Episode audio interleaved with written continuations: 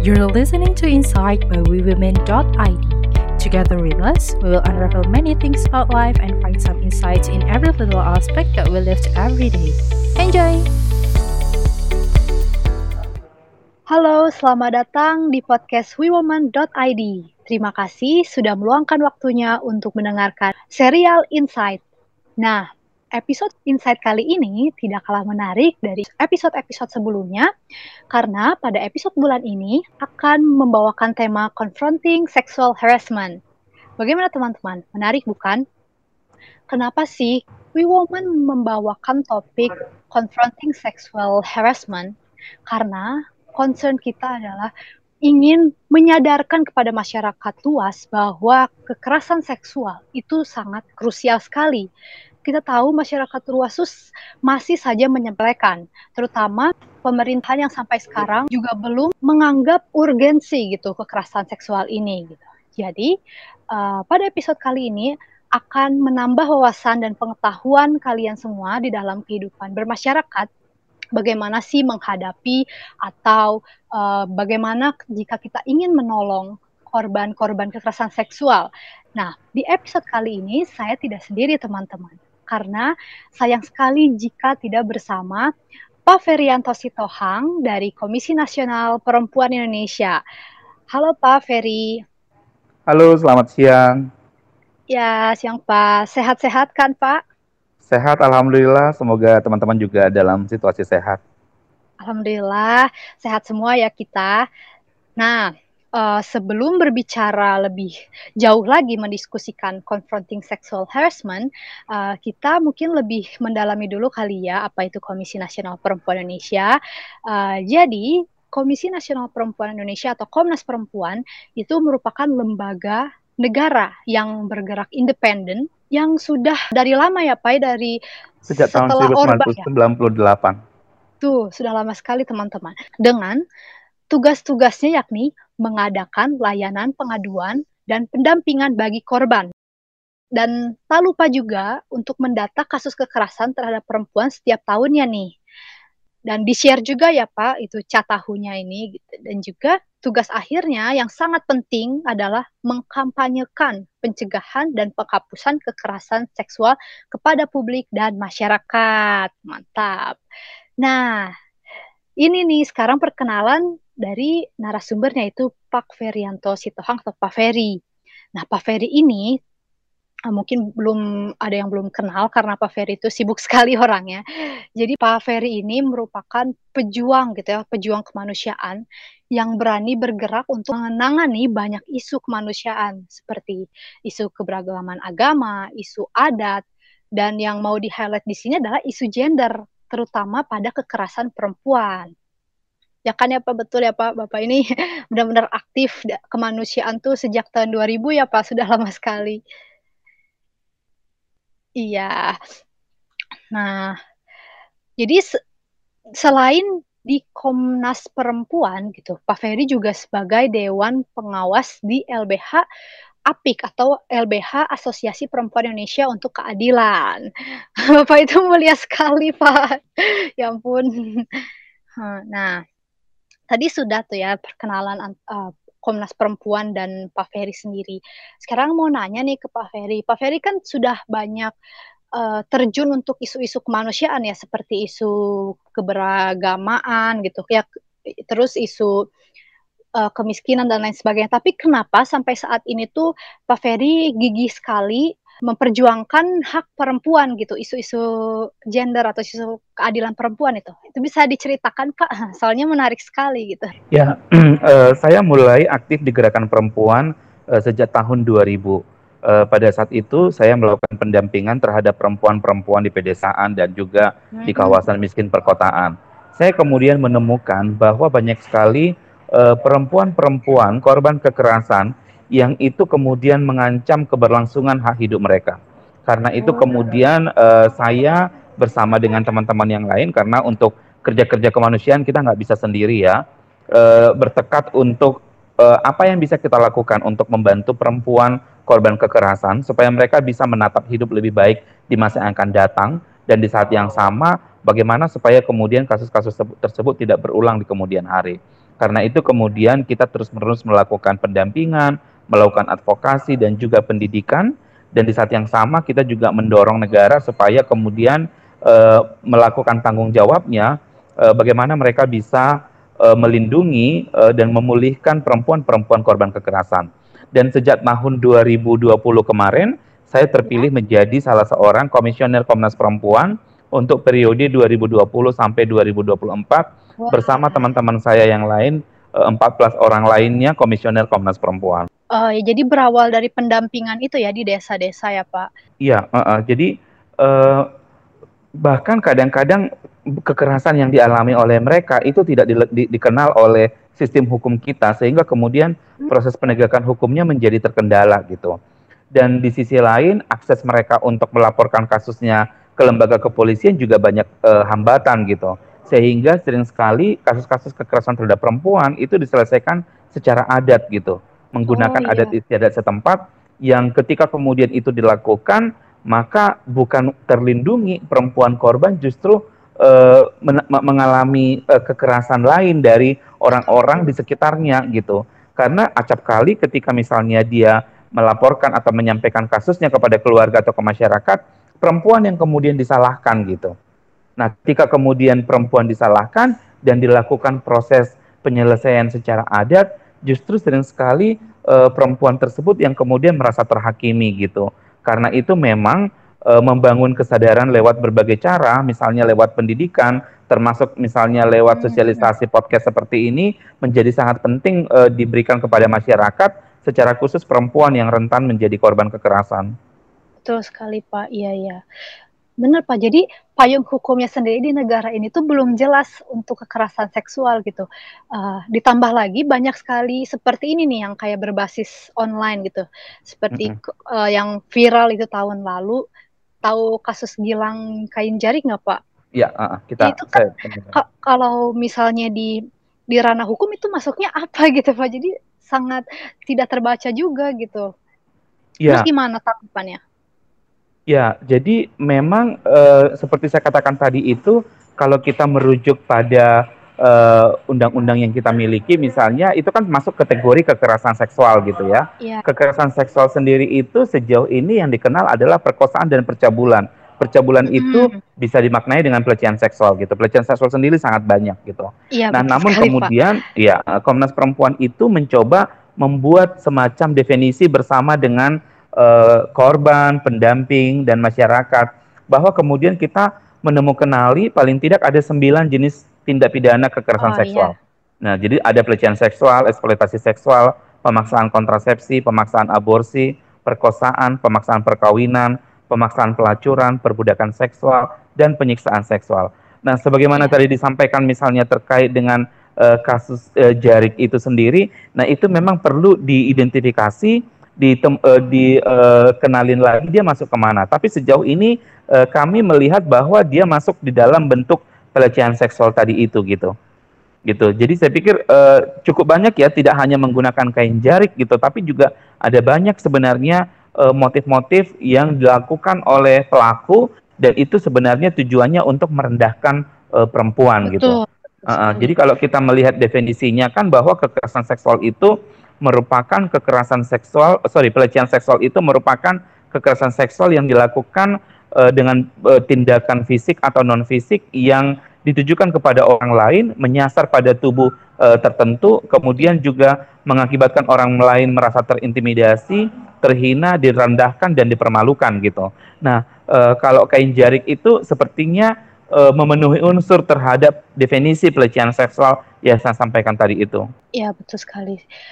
Nah, bagi teman-teman semua, jika ada kejadian yang memang merujuk intimidasi, apalagi terutama pada tubuh perempuan, itu bisa dikategorikan kekerasan atau pelecehan seksual ya teman-teman. Jadi jangan takut untuk melapor atau speak up di uh, apalagi sekarang udah zamannya modern gitu, ada sosial media, speak up aja tidak apa-apa teman-teman. Dan ini nih pertanyaan selanjutnya, bagaimana terhadap kaum laki-laki gitu yang merasa pelecehan seksual itu juga bisa terjadi di kaum laki-laki itu Komnas Perempuan memandang seperti apa gitu ya, untuk korban laki-laki gitu. Kalau kita melihat bahwa sekarang ini kan pelecehan seksual tidak hanya terjadi terhadap perempuan, tapi pelecehan seksual juga menyasar pada laki-laki gitu. kita tentu uh, mengikuti berita misalnya ketika uh, salah seorang korban yang bekerja di salah satu lembaga negara uh, menyampaikan oh. bahwa dia menjadi korban pelecehan seksual, beliau adalah laki-laki, bahkan ketika kemudian dia melaporkan kasusnya, uh, kasusnya ditolak oleh uh, kepolisian menurut cerita yang bersangkutan ya gitu. Hmm. Saya pikir ini memang menjadi concern kita, ini menjadi penanda sebenarnya bahwa uh, kekerasan seksual itu tidak hanya menyasar uh, pada perempuan, kalaupun pada uh, data Komnas Perempuan, perempuan masih yang lebih banyak uh, menjadi korban gitu. Nah, hmm. sementara laki-laki ada yang korban, tapi memang karena uh, budaya patriarki sangat menghegemoni dalam pikiran masyarakat, ketika ada laki-laki yang menjadi korban, dia enggan untuk melaporkan kasusnya. Dia merasa bahwa masa sih seorang laki-laki menjadi korban gitu ya, dan hmm. ini bisa dianggap perendahan uh, harga diri laki-laki uh, tersebut gitu sehingga ini mengakibatkan laki-laki yang menjadi korban kekerasan seksual itu uh, tidak speak up gitu. Uh, kemudian uh, dia juga uh, tidak mau mengadukan kasusnya ke tempat yang lain gitu. Perempuan juga sebenarnya mengalami hal yang sama gitu, tapi paling tidak karena memang wacana dan kemudian mandatnya Komnas Perempuan untuk melakukan upaya penghapusan terhadap uh, kekerasan terhadap perempuan sehingga ada uh, ruang yang diberikan kepada perempuan korban untuk uh, berbicara gitu. Nah, laki-laki sendiri kan merasa selama ini ya masa sih karena budaya patriarki tadi itu ya bahwa laki-laki harus maco dan segala macam itu kan membuat dia kemudian sungkan untuk menyampaikan kasusnya. Tapi saya pikir ketika kemudian kasus yang kemarin viral, kemudian uh, dia adalah laki-laki, sekali lagi ini menegaskan bahwa kekerasan seksual bisa menyasar siapa saja Betul. karena itu kemudian uh, payung hukumnya menjadi sangat penting untuk segera direalisasikan oleh pemerintah. Kita tahu bahwa hari ini kan kita uh, terus mengadvokasi agar uh, rancangan undang-undang penghapusan kekerasan seksual segera disahkan. Ya, jadi Komnas Perempuan memandang bahwa keadilan untuk semua gender ya Pak ya, tidak terbatas ya. hanya perempuan saja. Jadi Komnas Perempuan juga ada ya uh, seperti perlindung bukan perlindungan ya seperti pembinaan juga pak ada kasusnya nggak perlindungan pada laki-laki gitu yang sebagai uh, sejauh ini sih belum ada ya yang uh, laki-laki membuat laporan ke Komnas Perempuan karena mungkin memang mandatnya Komnas Perempuan kan sekali lagi melakukan berbagai upaya untuk penghapusan segala bentuk kekerasan terhadap perempuan hmm. gitu.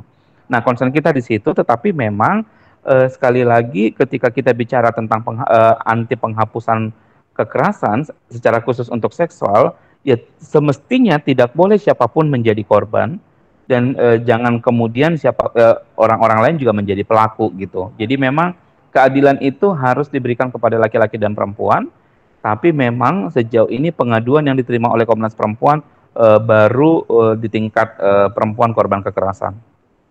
Oh ya, mungkin teman-teman bisa cek di catatan tahunannya ya di internet kan ya, ya Pak sudah di-share. Oh. Benar. Nah, ini nih kita kan mungkin banyak lembaga yang sudah mengkampanyekan gitu. Hmm, untuk berani perempuan harus berani, tapi masyarakat masih aja memandang kekerasan seksual itu sebagai hal yang tabu. Lalu bagaimana ya Pak jalan keluarnya seperti ini gitu? Ya, jadi memang uh, selain karena tabu, seperti saya katakan juga di awal tadi bahwa ya. banyak sekali perempuan korban kekerasan seksual, uh, dia juga sulit sekali mendapatkan keadilan. Ini juga membuat perempuan merasa bahwa untuk apa juga bicara kalau misalnya penegakan hukumnya uh, terhambat gitu ya. Apalagi kalau misalnya pelecehan seksual. Ketika misalnya ada korban pelecehan seksual uh, melaporkan kasusnya, maka sering sekali hambatannya itu uh, tidak cukup alat bukti untuk memprosesnya gitu. Ah, iya. Namun demikian, saya pikir harus tetap uh, kita laporkan dan uh, ini untuk menjadi uh, titik tekan kepada pemerintah bahwa memang undang-undang uh, atau peraturan yang khusus untuk bicara melindungi korban kekerasan seksual itu menjadi urgen untuk dilakukan. Kalau misalnya korban tidak berani melapor, maka kemudian ya aparat penegak hukum pemerintah akan menganggap bahwa kasus kekerasan seksual ini biasa-biasa saja gitu. Hal-hal yang lumrah uh, akan terjadi sehingga sampai kapan pun tidak akan ada upaya penyelesaian dan korban akan terus bertambah. Tentu kita tidak menginginkan itu terjadi gitu. Iya, betul, betul. Nah, kalaupun demikian banyak hambatan untuk kasus pelecehan seksual, sebenarnya kita bisa mencoba melakukan beberapa terobosan dengan melakukan diskusi dengan aparat penegak hukum. Misalnya ketika ada kasus kekerasan seksual, uh, salah satu alat bukti yang dibutuhkan kepolisian itu adalah melakukan visum et repertum gitu ya. Tapi kalau dia misalnya pelecehan seksual, itu kan sering sekali nggak meninggalkan bekas luka gitu. Iya. Dia uh, hanya sentuhan, uh, kemudian atau misalnya hanya pandangan mata gitu.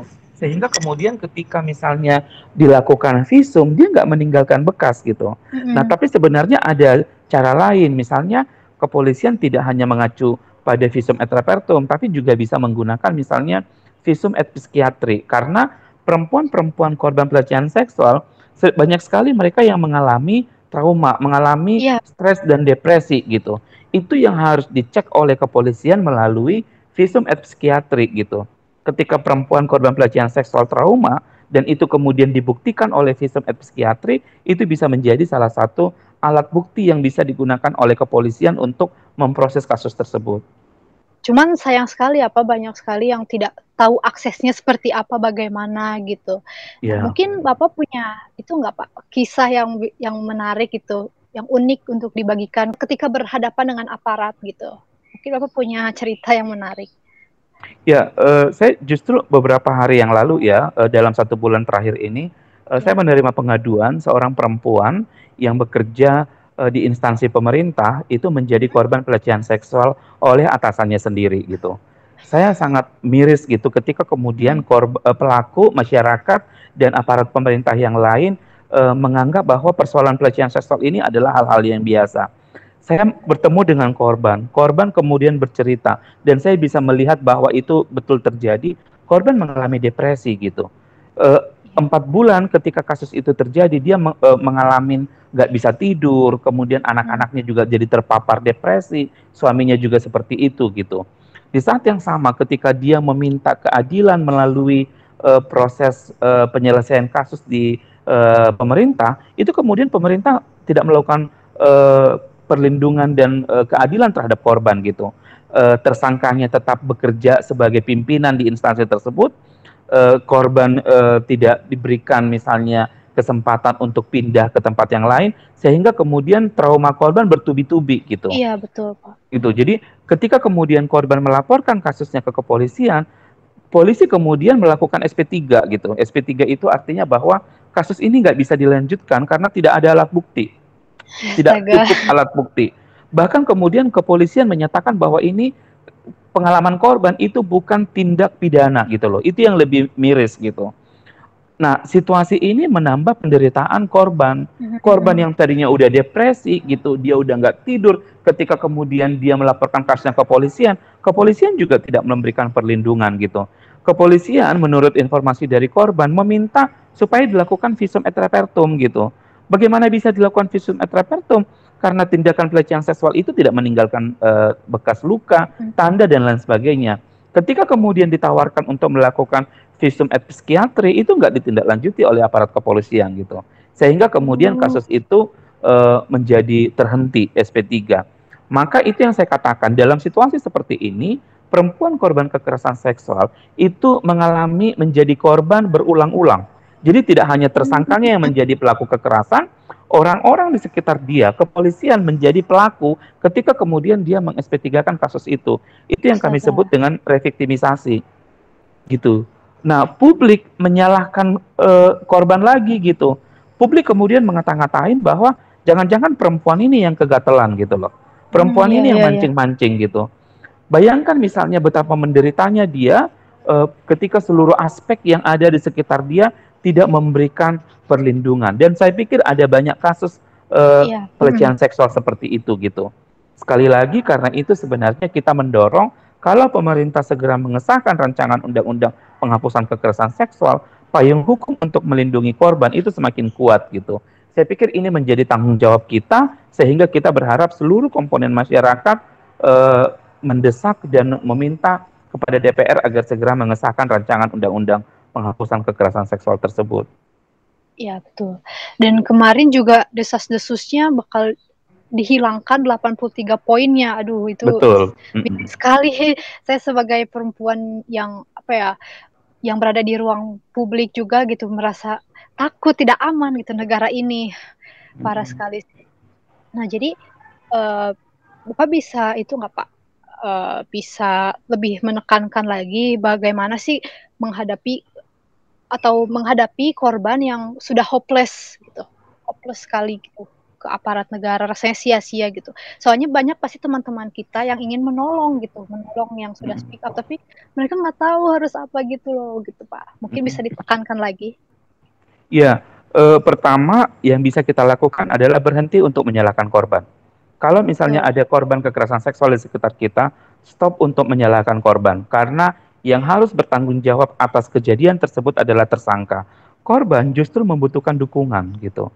Kalau misalnya ada korban di sekitar kita, apalagi kalau dia saudara kita, teman kita, berikan dukungan kepada dia gitu. Jadi caranya adalah dengarkan, percaya pada cerita korban, kemudian kalau korban membutuhkan misalnya uh, visum, misalnya ada luka-luka dalam tubuhnya segala macam, segera buat laporan ke kepolisian gitu, supaya kemudian kepolisian nanti bisa mengeluarkan surat untuk melakukan visum et repertum atau visum et psikiatri gitu.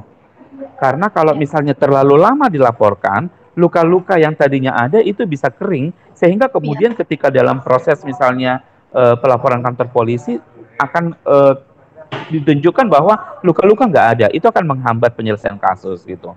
Kemudian yang kedua, saat ini di masa pandemi ini banyak sekali lembaga layanan yang membuka konseling uh, secara online.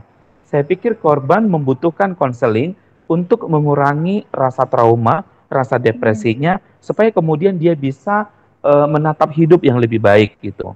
Nah, yang ketiga adalah saya pikir uh, korban membutuhkan pendampingan. Maka untuk itu cari di sekitar kita bisa misalnya berbasis online lembaga layanan yang ada di sekitar kita. Lembaga layanan yang dikelola oleh masyarakat sipil atau pemerintah bahkan institusi agama saat ini cukup banyak yang uh, dia konsen pada uh, korban gitu.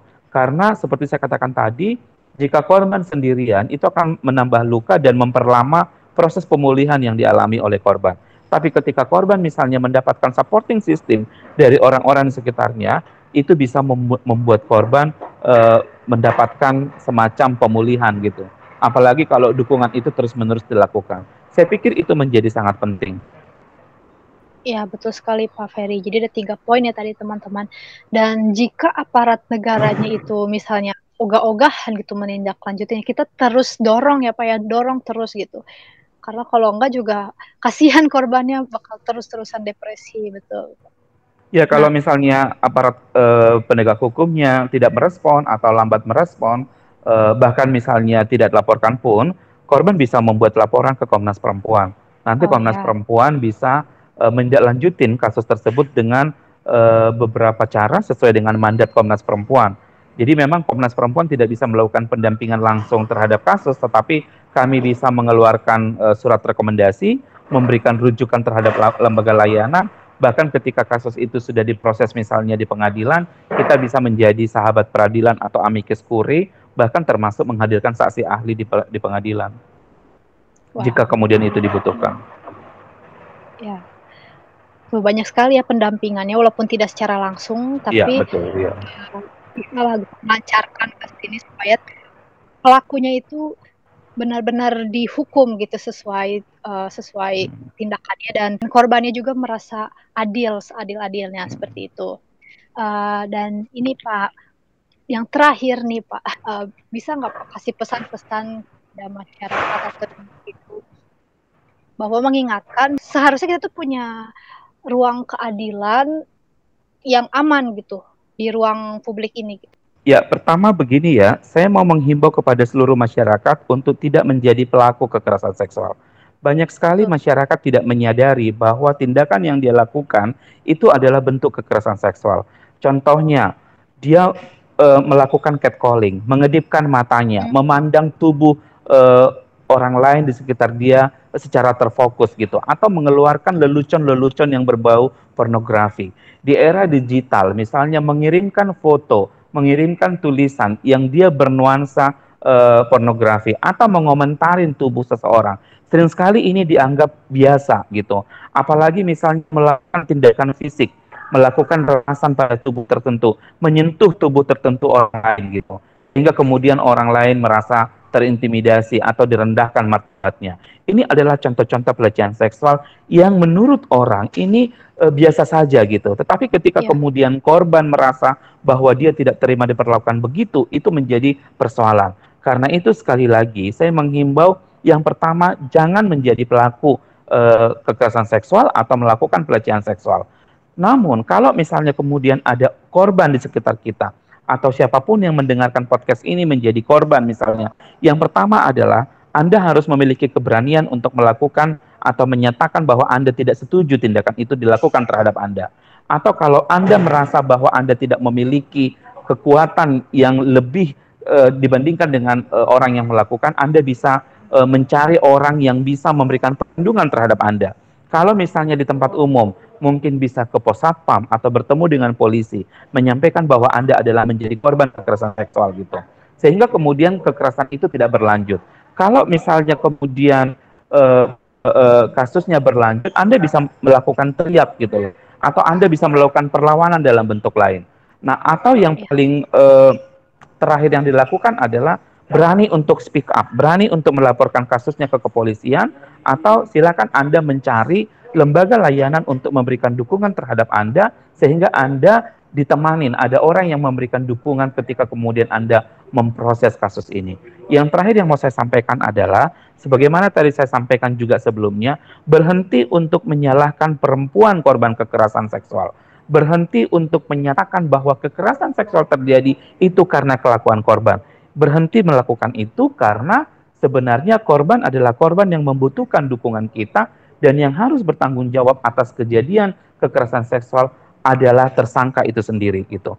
Nah, yang yang yang paling terakhir adalah sekali lagi seluruh pendengar podcast ini kami himbau supaya memberikan dukungan terhadap DPR RI supaya segera mengesahkan rancangan undang-undang penghapusan kekerasan seksual dan tentu kita juga perlu mengawal substansi di dalamnya sehingga kemudian ketika rancangan undang-undang ini disahkan perempuan korban kekerasan seksual uh, mendapatkan keadilan, perlindungan, dan pemulihan, dan ada jaminan ketidakberulangan kasus ini di masa yang akan datang. Mungkin itu yang bisa saya sampaikan, Mbak. Wah, mantap sekali Pak Ferry.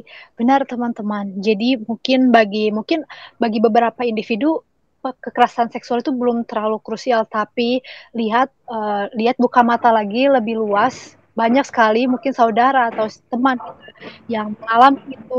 Jadi dukung saja eh, pelan-pelan dukung uh, kalau bisa bantu dia untuk dari langkah yang tepatnya gitu karena korbannya dia karena malu untuk untuk pick up. Jadi uh, itu ya teman-teman. Jangan salahkan juga para korbannya Baik, uh, terima kasih sekali lagi Pak Ferry atas sharing-sharingnya dan uh, materinya sangat luar biasa. ya teman-teman, hmm. nanti kita akan bertemu lagi di episode selanjutnya. Sekali lagi, terima kasih. Terima kasih, selamat siang Mbak.